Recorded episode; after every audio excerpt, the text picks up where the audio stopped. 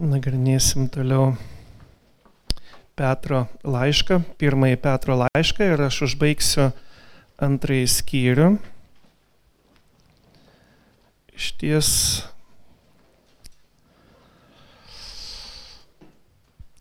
e, aš perskaitysiu visą skyrių dabar. Tai bus pirmo Petro laiško antros skyriaus nuo 11 eilutės iki pat pabaigos.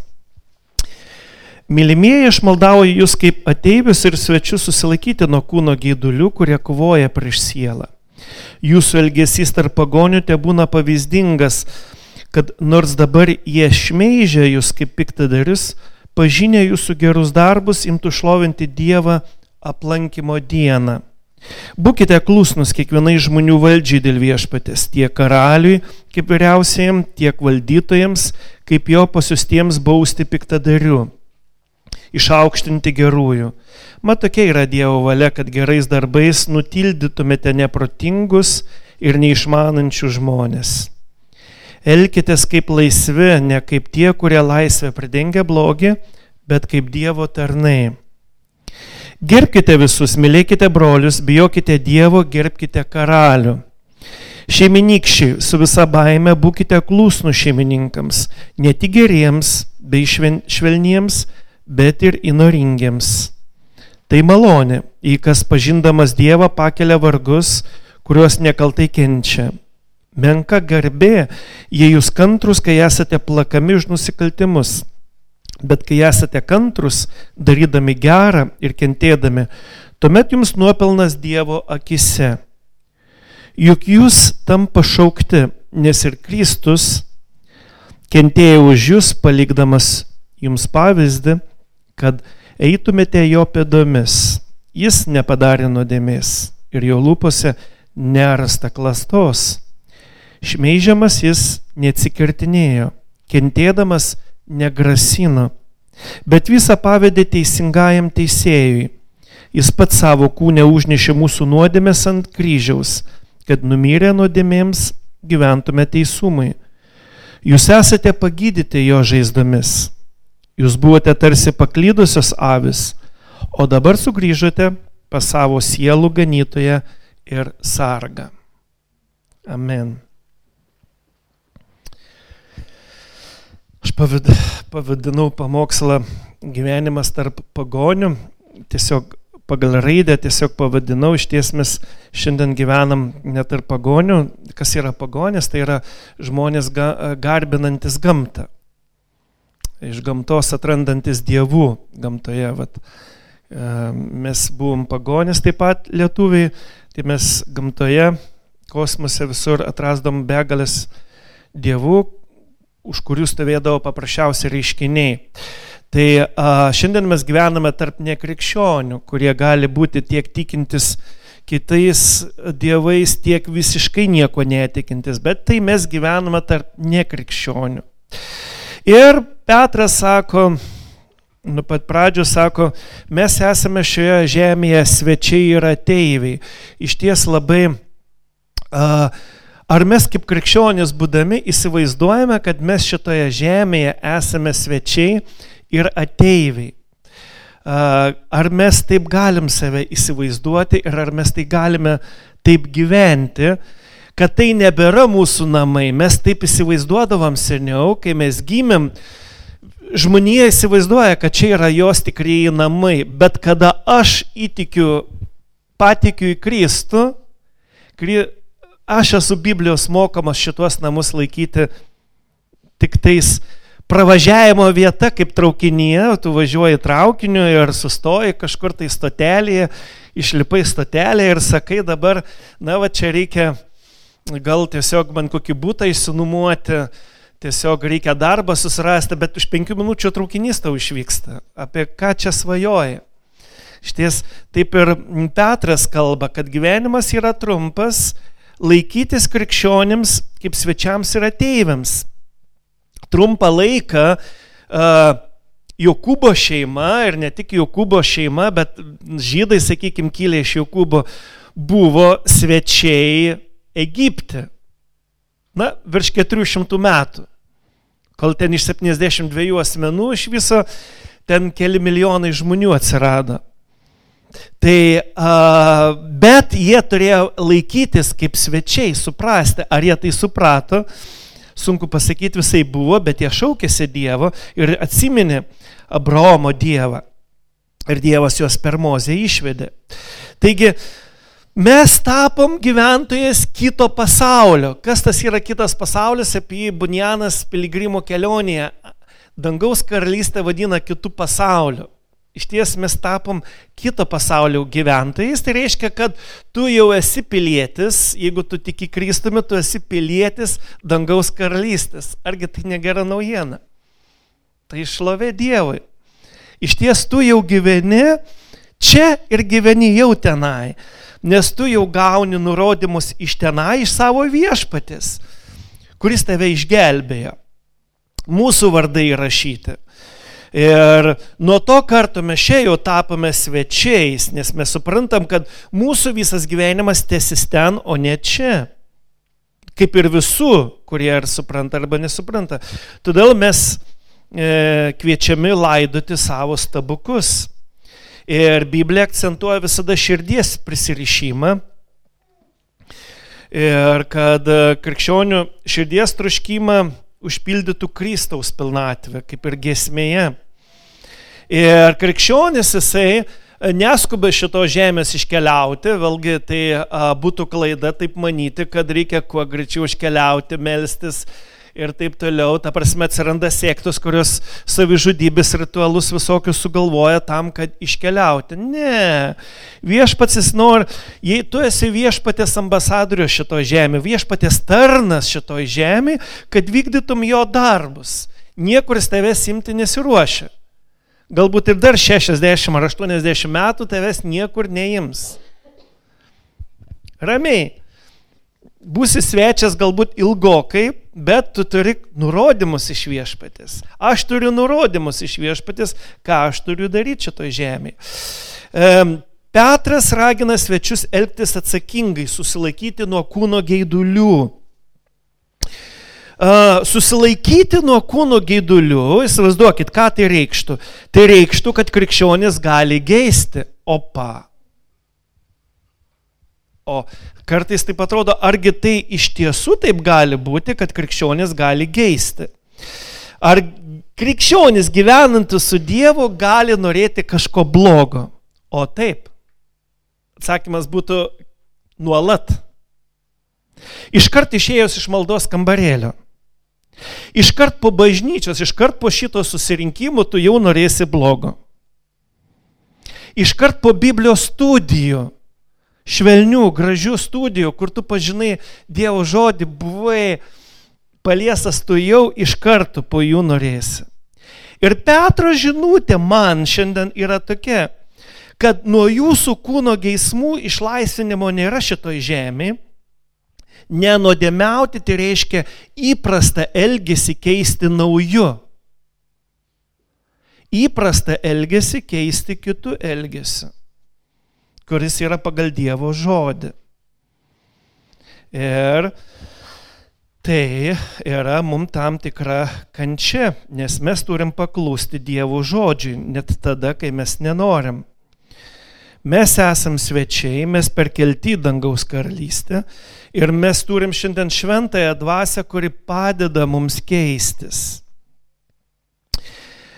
Dvylikta eilutė kalba apie tai, kad mūsų elgesys turi būti pavyzdingas, kilnus, tarp, gyvenant tarp pagonių. Nes, sakykime, šiandien mes gyvenam tarp netikinčių žmonių. Tai elgesys turi būti pavyzdingas, dorovingas, teisingas. Petras išsako čia siekėmybę, kad būtų geri darbai. Čia labai įdomiai yra išsakyta, žiūrėkit, vat, atkreipus dėmesį į 12 eilutę, kad e, būtų elgesys pavyzdingas, kad pažinę jūsų gerus darbus, jie imtų, netikinti žmonės, imtų šlovinti Dievą aplankimo dieną. Mūsų darbai, a, Biblija kalba, kad mūsų darbai padės netikintiems žmonėms ateiti pas Kristų jų aplankimo dieną. Va tai būtų paraidžiuoju. Kad tai, kai jie bus aplankyti, jie šlovins Dievą, jie atiduos jam garbę, nes mūsų darbai padarys įtaką jiems. Geri darbai nėra skirti žmonės pritraukti į bažnyčią, įtikinti juos, suvilioti į bažnyčią. Bet jie skirti tam tokiam ženklui, kad mes tikim Kristumi. Ir dabar tai, ką aš pasakiau, yra vienas dalykas, kurį noriu pasakyti. Geri darbai neskelbė Evangelijos. Ir galbūt nereikėtų dangstytis už uh, gerų darbų, manant taip, kad jeigu aš teisingai elgsiuosi, vykdysiu Dievo valią, tai žmonės įtikės Dievą. Petras, o gal Petras uh, kažką kitą turi, pasižiūrėsim. Pirmo Petro laiške, trečiam skyriui, kuris kažkada vėliau bus uh, studijuojamas, 15 eilutė, sakoma, visuomet pasirengę įtikinamai atsakyti kiekvienam klausinčiam apie jumise gyvenančią viltį. Tai vad, Petras sako, kad kalbėti apie Kristų reikia ir būti reikia pasiruošusiems. Darbais Evangelija nėra skelbiama, žmonės net nesuprastų gerų darbų motyvų. Jeigu gerais darbais būtų skelbiama Evangelija, tai Jėzus būtų gimęs nebilys ir tuos tris metus ne Evangeliją skelbęs, bet Arės laukus. Nes vat, Arės visam Izraeliui laukus. Visas Izraelis būtų atidavęs jam žemės, jis būtų dirbęs nemokamai ir visas Izraelis būtų atsivertęs į Dievą. Nebuvo taip. Ir jūs galit tiesiog taip mastant atrodytų tą 12 eilutę, betgi kalba, kad pagonių turi būti pavyzdingas elgesys, kad jie šlovintų Dievą aplankimo dieną. Bet viduryje, žiūrėkit, yra paminėtas toks dalykas, kad, kad nors dabar jie šmeižia jūs kaip piktadarius. Ką Petras turi omeny? Kad krikščionis to meto buvo šmeižiami kaip piktadariai. Tai vadinasi, tuos žmonės pažino visuomenė kaip krikščionis ir juos šmeižė. Kaip jie galėjo juos pažinti, jeigu jie nebūtų liūdėję, jeigu jie nebūtų kalbėję apie Dievą. Tai a, čia Dievas mus kviečia. A, nes, kaip sakau, realiai tai Evangelija ir, ir mums plačiau kalba apie Evangelijos skelbimą. Dievas gali mums suteikti išmintį ir progą, nes mes nesam visi vienodi žmonės ir mes vienodai negalim. Ne visi, galbūt aš neturiu iškalbos dovanos, galbūt aš neturiu drąsos arba apskritai kartais galvoje visokie vėjai, tai kaip čia dabar reikėtų man ką ir daryti, dabar nuo ko pradėti. Iš ties nereikia tos suirūtis, nereikia viduje dabar kažkaip tai lėkti ir, ir bijoti, atminkim tokį dalyką dalyką. Kristus tave išgelbėjo, mane išgelbėjo Kristus. Mes esame išgelbėti, todėl dangaus karalystė tavo viduje yra Dievo teisumas, ramybė ir džiaugsmas. Tu turi ramybę su Kristumi. O Kristus jisai moko mus, kiekvieną iš mūsų skirtingai, kaip mes galim kažkam tai paliūdyti Evangeliją tinkamo metu. Galbūt, kaip Petras sako, kažkas paklaus, kodėl tu darai tą gerą darbą. Tu sakai todėl, kad aš tikiu Kristumi. Įvairiai gali būti. Ta prasme, negalima turėti vienos, vat, vieno įsivaizdavimo, kaip dabar skelbti reikia Evangeliją, kur mums eiti į maksimą ar dar kažkur ir kaip skelbti. Viešpats su kiekvienu elgesi skirtingai. O jeigu jau žino, kad mes esam krikščionis, Petras kviečia elgtis mus garbingai, dorovingai.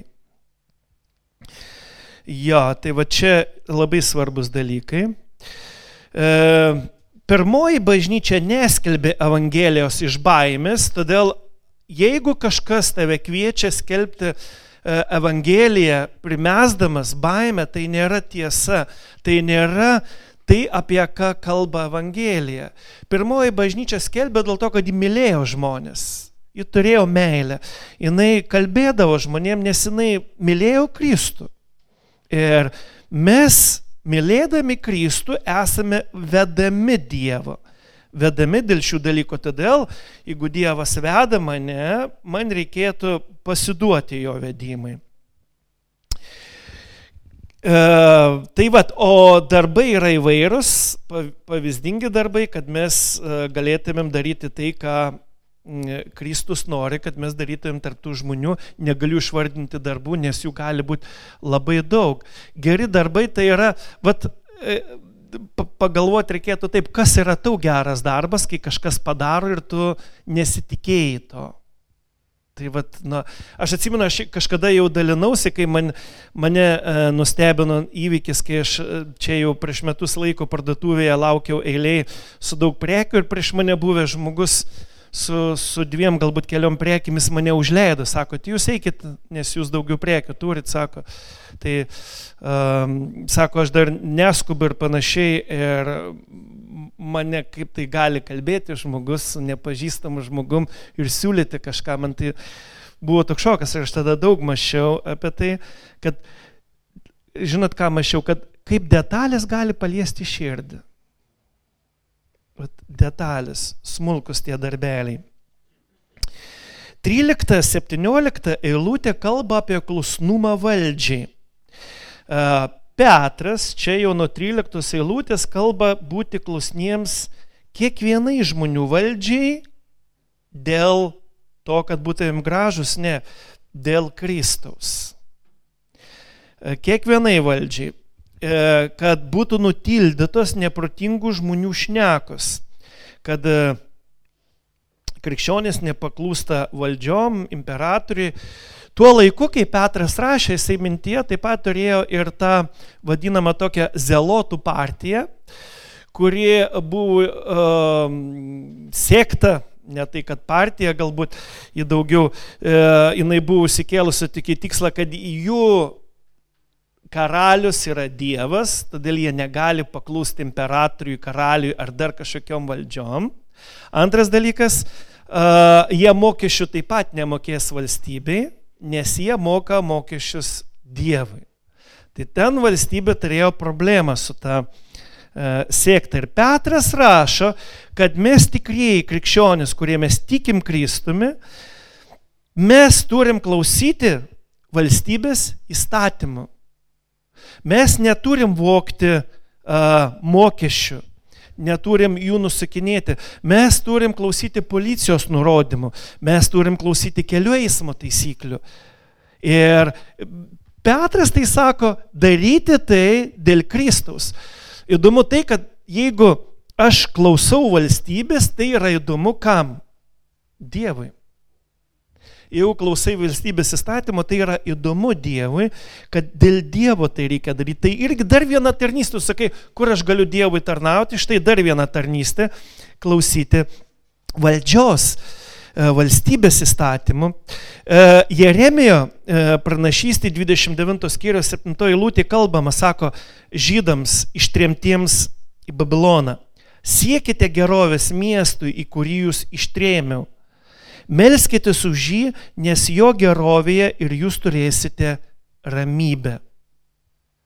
Melskitės už tą miestą. Pagalvokim taip, žydai buvo a, ištremti į pagonių miestą, į Babiloną. Žydai pagonių nekentė. Tai didžiulė nepykanta. Tiesiog jie buvo juos nurašę, tai kaip šunis ta prasme jie yra, na, pagonis. Tai yra, na, vat, yra žmonės ir yra pagonis. Pa, žmonės jie ir yra pagonis.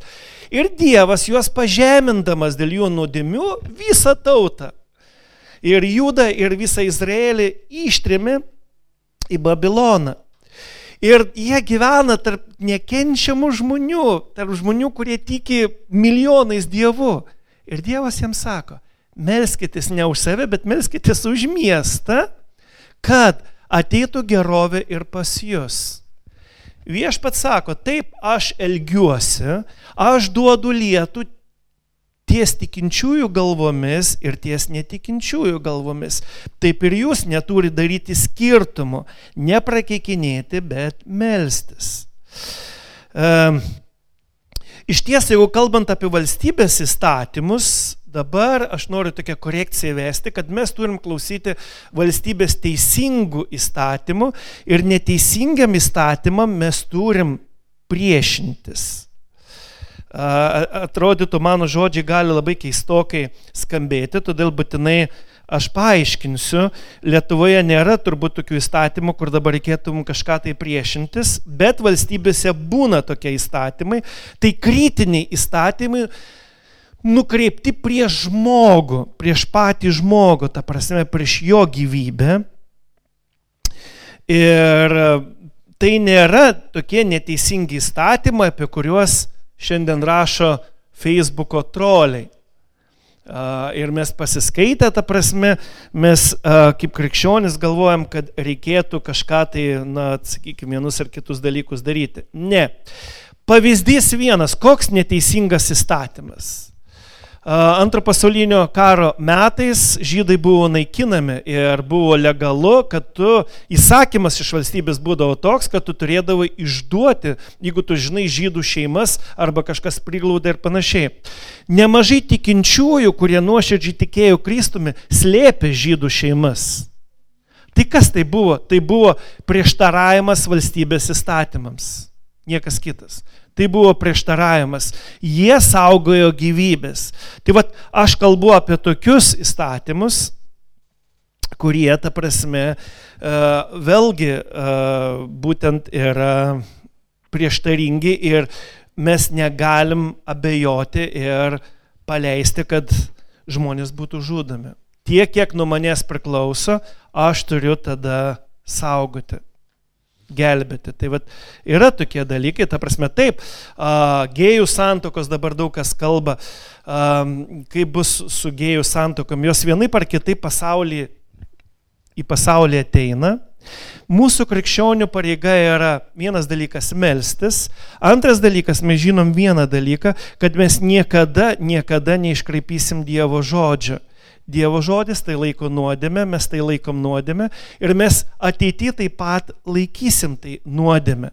Bet tai a, pulti dabar žmonės, a, protestuoti ir panašiai, iš ties tai yra sudėtingas dalykas, nes viskas valstybių, virš valstybių taip pat stovi Dievas. Mums pirmiausia reikia melstis į viešpatį, kad ateitų į valstybės dievotumas. Ir pati Biblija kalba, kad nuodėmės jos visur daugės. Ten, kur nėra tikėjimas Dievu, nuodėmės daugėja. Ir tai yra visiškai natūralu. Mums reikia bažnyčiai būti druska. Bet druska tai nereiškia, kad mes uh, uh, daužom langus, mes galim diskutuoti, gali vairūs dalykai būti. Dievas pakviesti gali krikščionis skirtingus, skirtingas dovanas panaudoti, bet mes neusiminėsim smurtu. Um,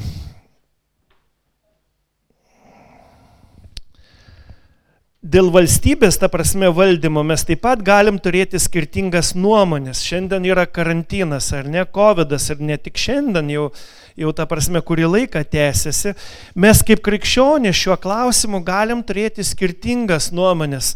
Ar skiepytis, ar nesiskiepyti, ar um, reikalingas karantinas, ar nereikalingas. Bet vie, uh, tai, ką Petras kalba, aš esu kviečiamas jeigu aš kažkur tai kalbu, bendrauju ir taip toliau, aš neturiu sumaišties nešti į pasaulį. Aš neturiu, aš neturiu į žmonės nešti sumaišties. Aš turiu paklūsti, jeigu yra e, įstatymas, kad reikalingos kaukės, aš neturiu vaizduoti visur vaikščiodamas be kaukės, nes aš esu krikščionis ir man kaukė nereikalinga. Iš ties tai yra pažeidimas to įstatymo. Galbūt jis man nepatinka, žiūrėkit, gali jis man nepatikti. Galbūt yra įvairiausių priežasčių, dėl ko aš sakyčiau, bet toks yra įstatymas, aš tai darau.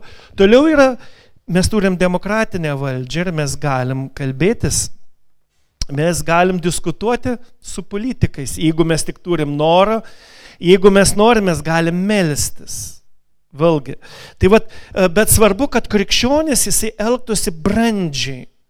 Krikščionis prieš valstybę jis turi elgtis brandžiai, atsakingai, palaikyti uh, valstybės įstatymus, elgtis teisingai ir dorovingai. 18-20 eilutės uh, toliau kalba, sako, šeiminykščiai, jūsų galbūt vertime yra tarnai, su visa baime būkite klusnų šeimininkams. Čia iš ties kalbama apie vergus, apie namų vergus, kurie gyveno kartu su šeimininkais. Ir Petras čia duoda pamokymą jiems, kas jie buvo namų, namų vergai. Jie buvo e, visokius tokius kaip ir įsilavinimus turėjo, galėjo būdavo aktoriai, e, valdų tvarkytojai, muzikantai, gydytojai ir jie tarnaudavo tai šeimai. Jie niekur neišėdavo, jie tiesiog tarnaudavo tai šeimai. Ir Petras sako, jeigu jūs esate šitas vergas, jūs turite tarnauti savo šeimininkams su visa baime, būti klusniems ir įvairiems, galbūt jie yra kažkokie tai įnoringi, bet jūs turite būti klusnus. Šiandien mes Lietuvoje vergystės nebeturim, tai atrodytų, mes gyvenam visai kitoj santvarkoj, kada mes, ką mes turim mes turim darbdavius.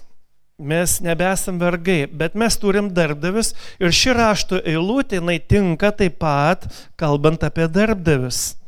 Mes turim paklūsti savo darbdaviams, va taip, sakykime, Petras kviečia, paklūsti, iš visos baimės paklūsti ir dirbti sąžiningai, atnešant tam tikrą produktivumą, padedant darbdaviui, būnant už jį ir uh, tarnaujant būtent šitaip Dievui. Tai yra tarnystė Dievui.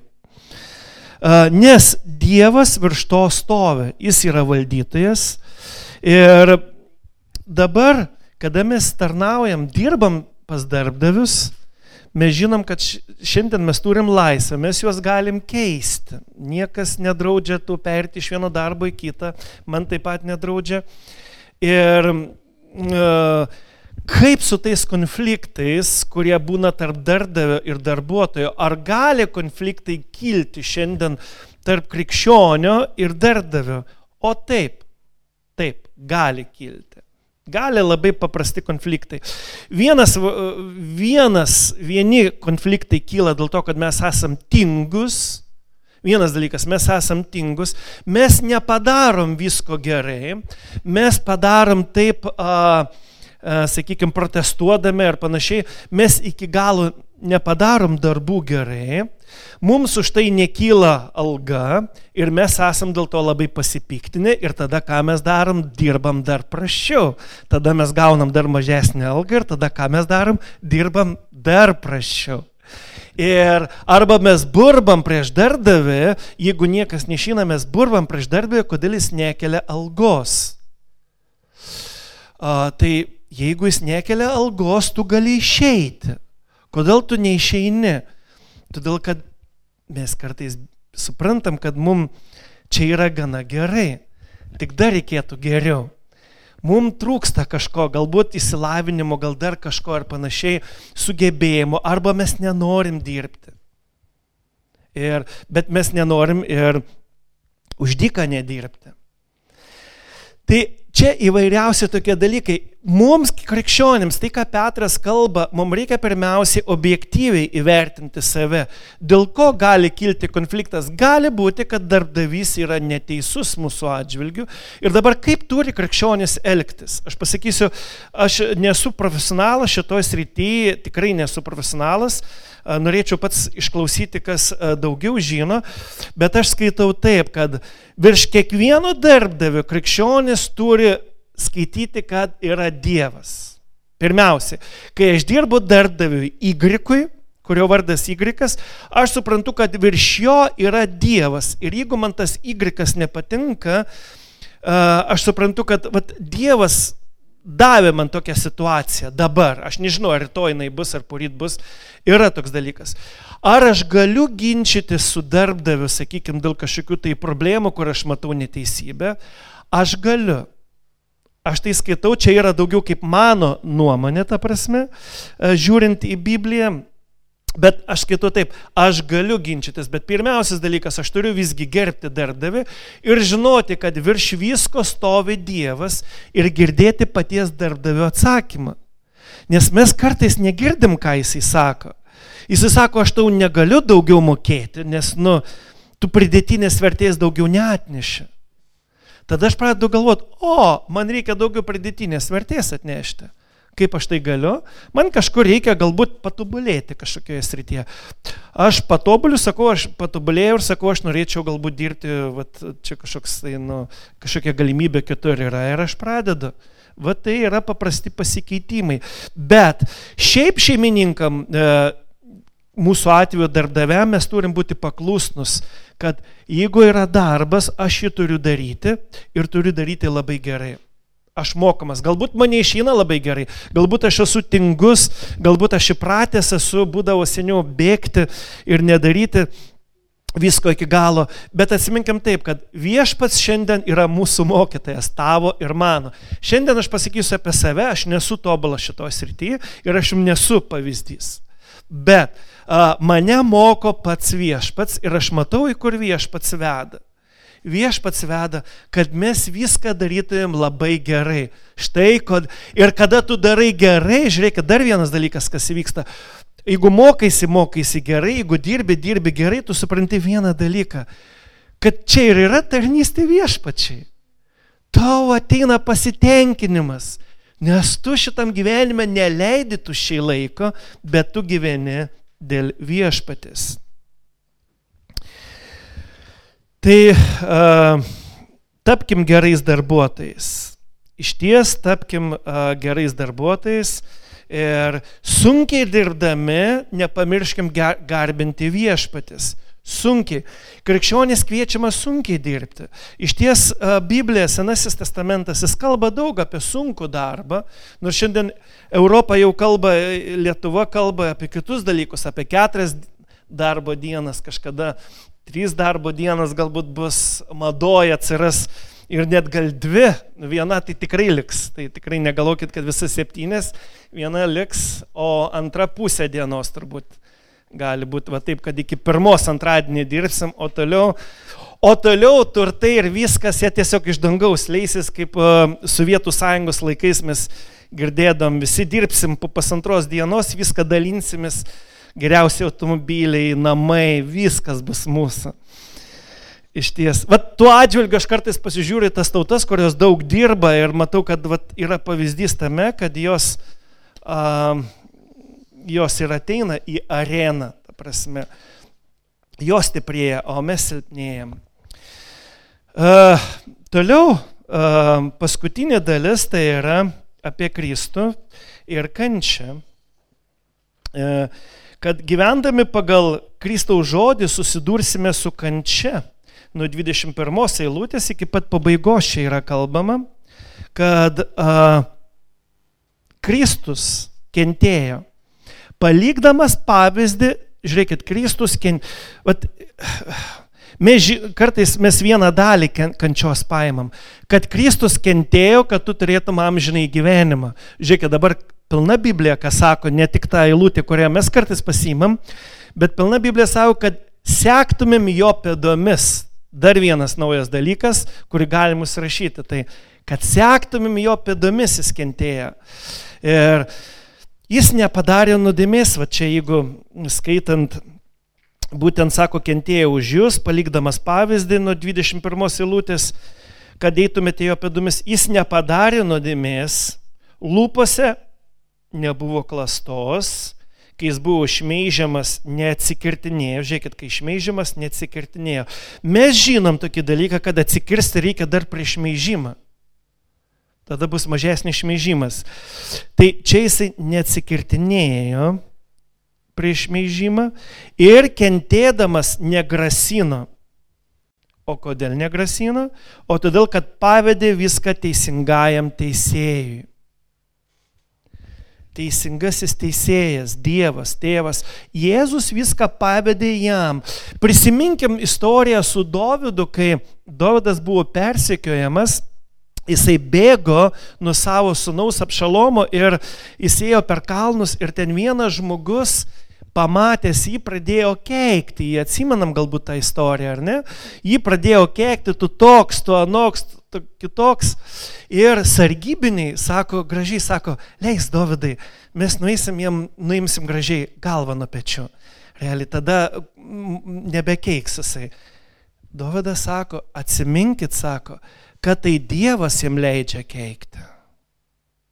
Tai Dievas leido jam. Štai kaip pa, pet, šitas Dovydas žiūrėjo.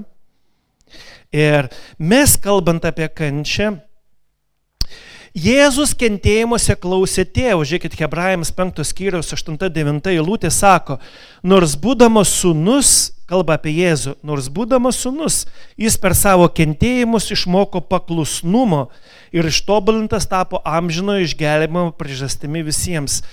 Jis per kentėjimus išmoko paklusnumo, ar mes galvojam, kad be kentėjimo turėsim paklusnumą Dievui? Ne, iš ties tai yra neįmanomas dalykas. Jis užnešė mūsų kaltes ant kryžiaus, kad myrė nuodėmė gyventojim teisumui. Mes pakviesti pašvesti savo gyvenimą Dievui. Kas yra kančia? Kančia ne visada ateina, kai a, tave dėl to, kad tu tiki Kristumi artimieji persikioja.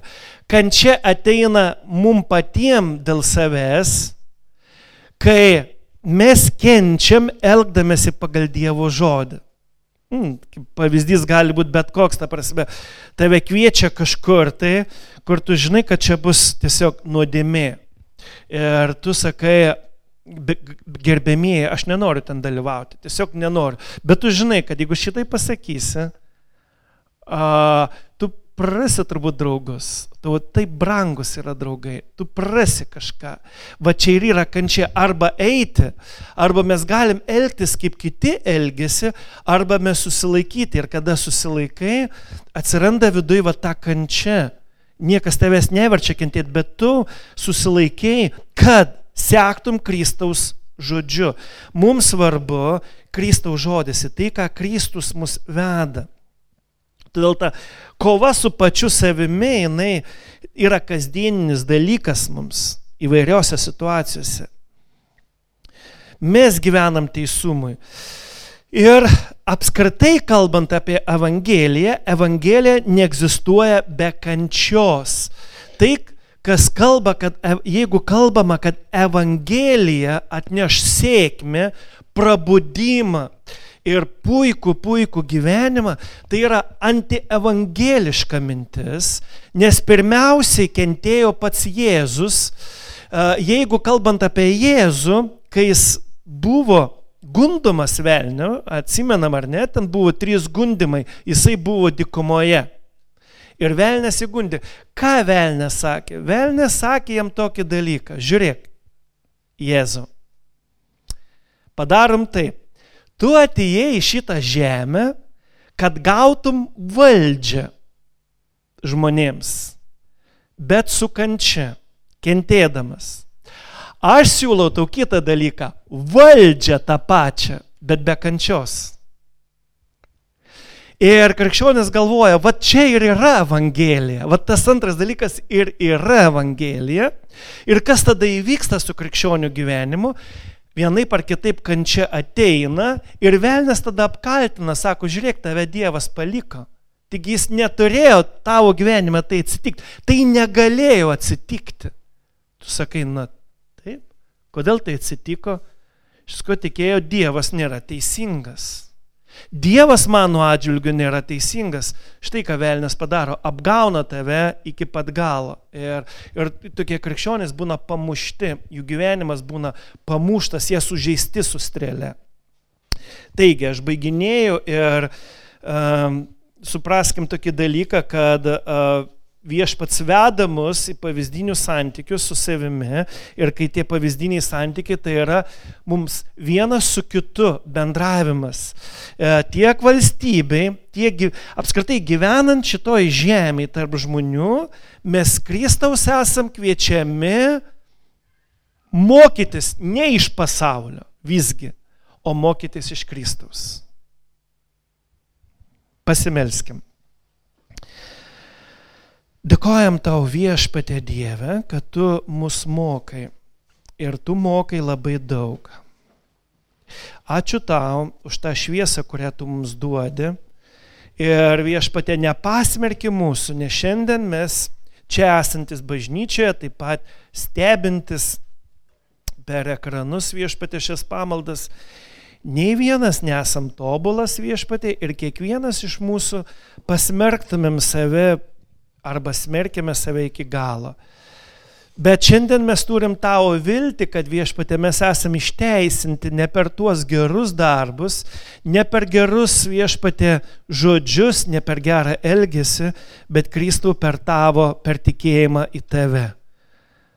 Ir toliau viešpatė tu šventąją dvasę mus mokinsi, sekti tavim ir keistis viešpatė, keistis nešant tavo šviesą žmonėms.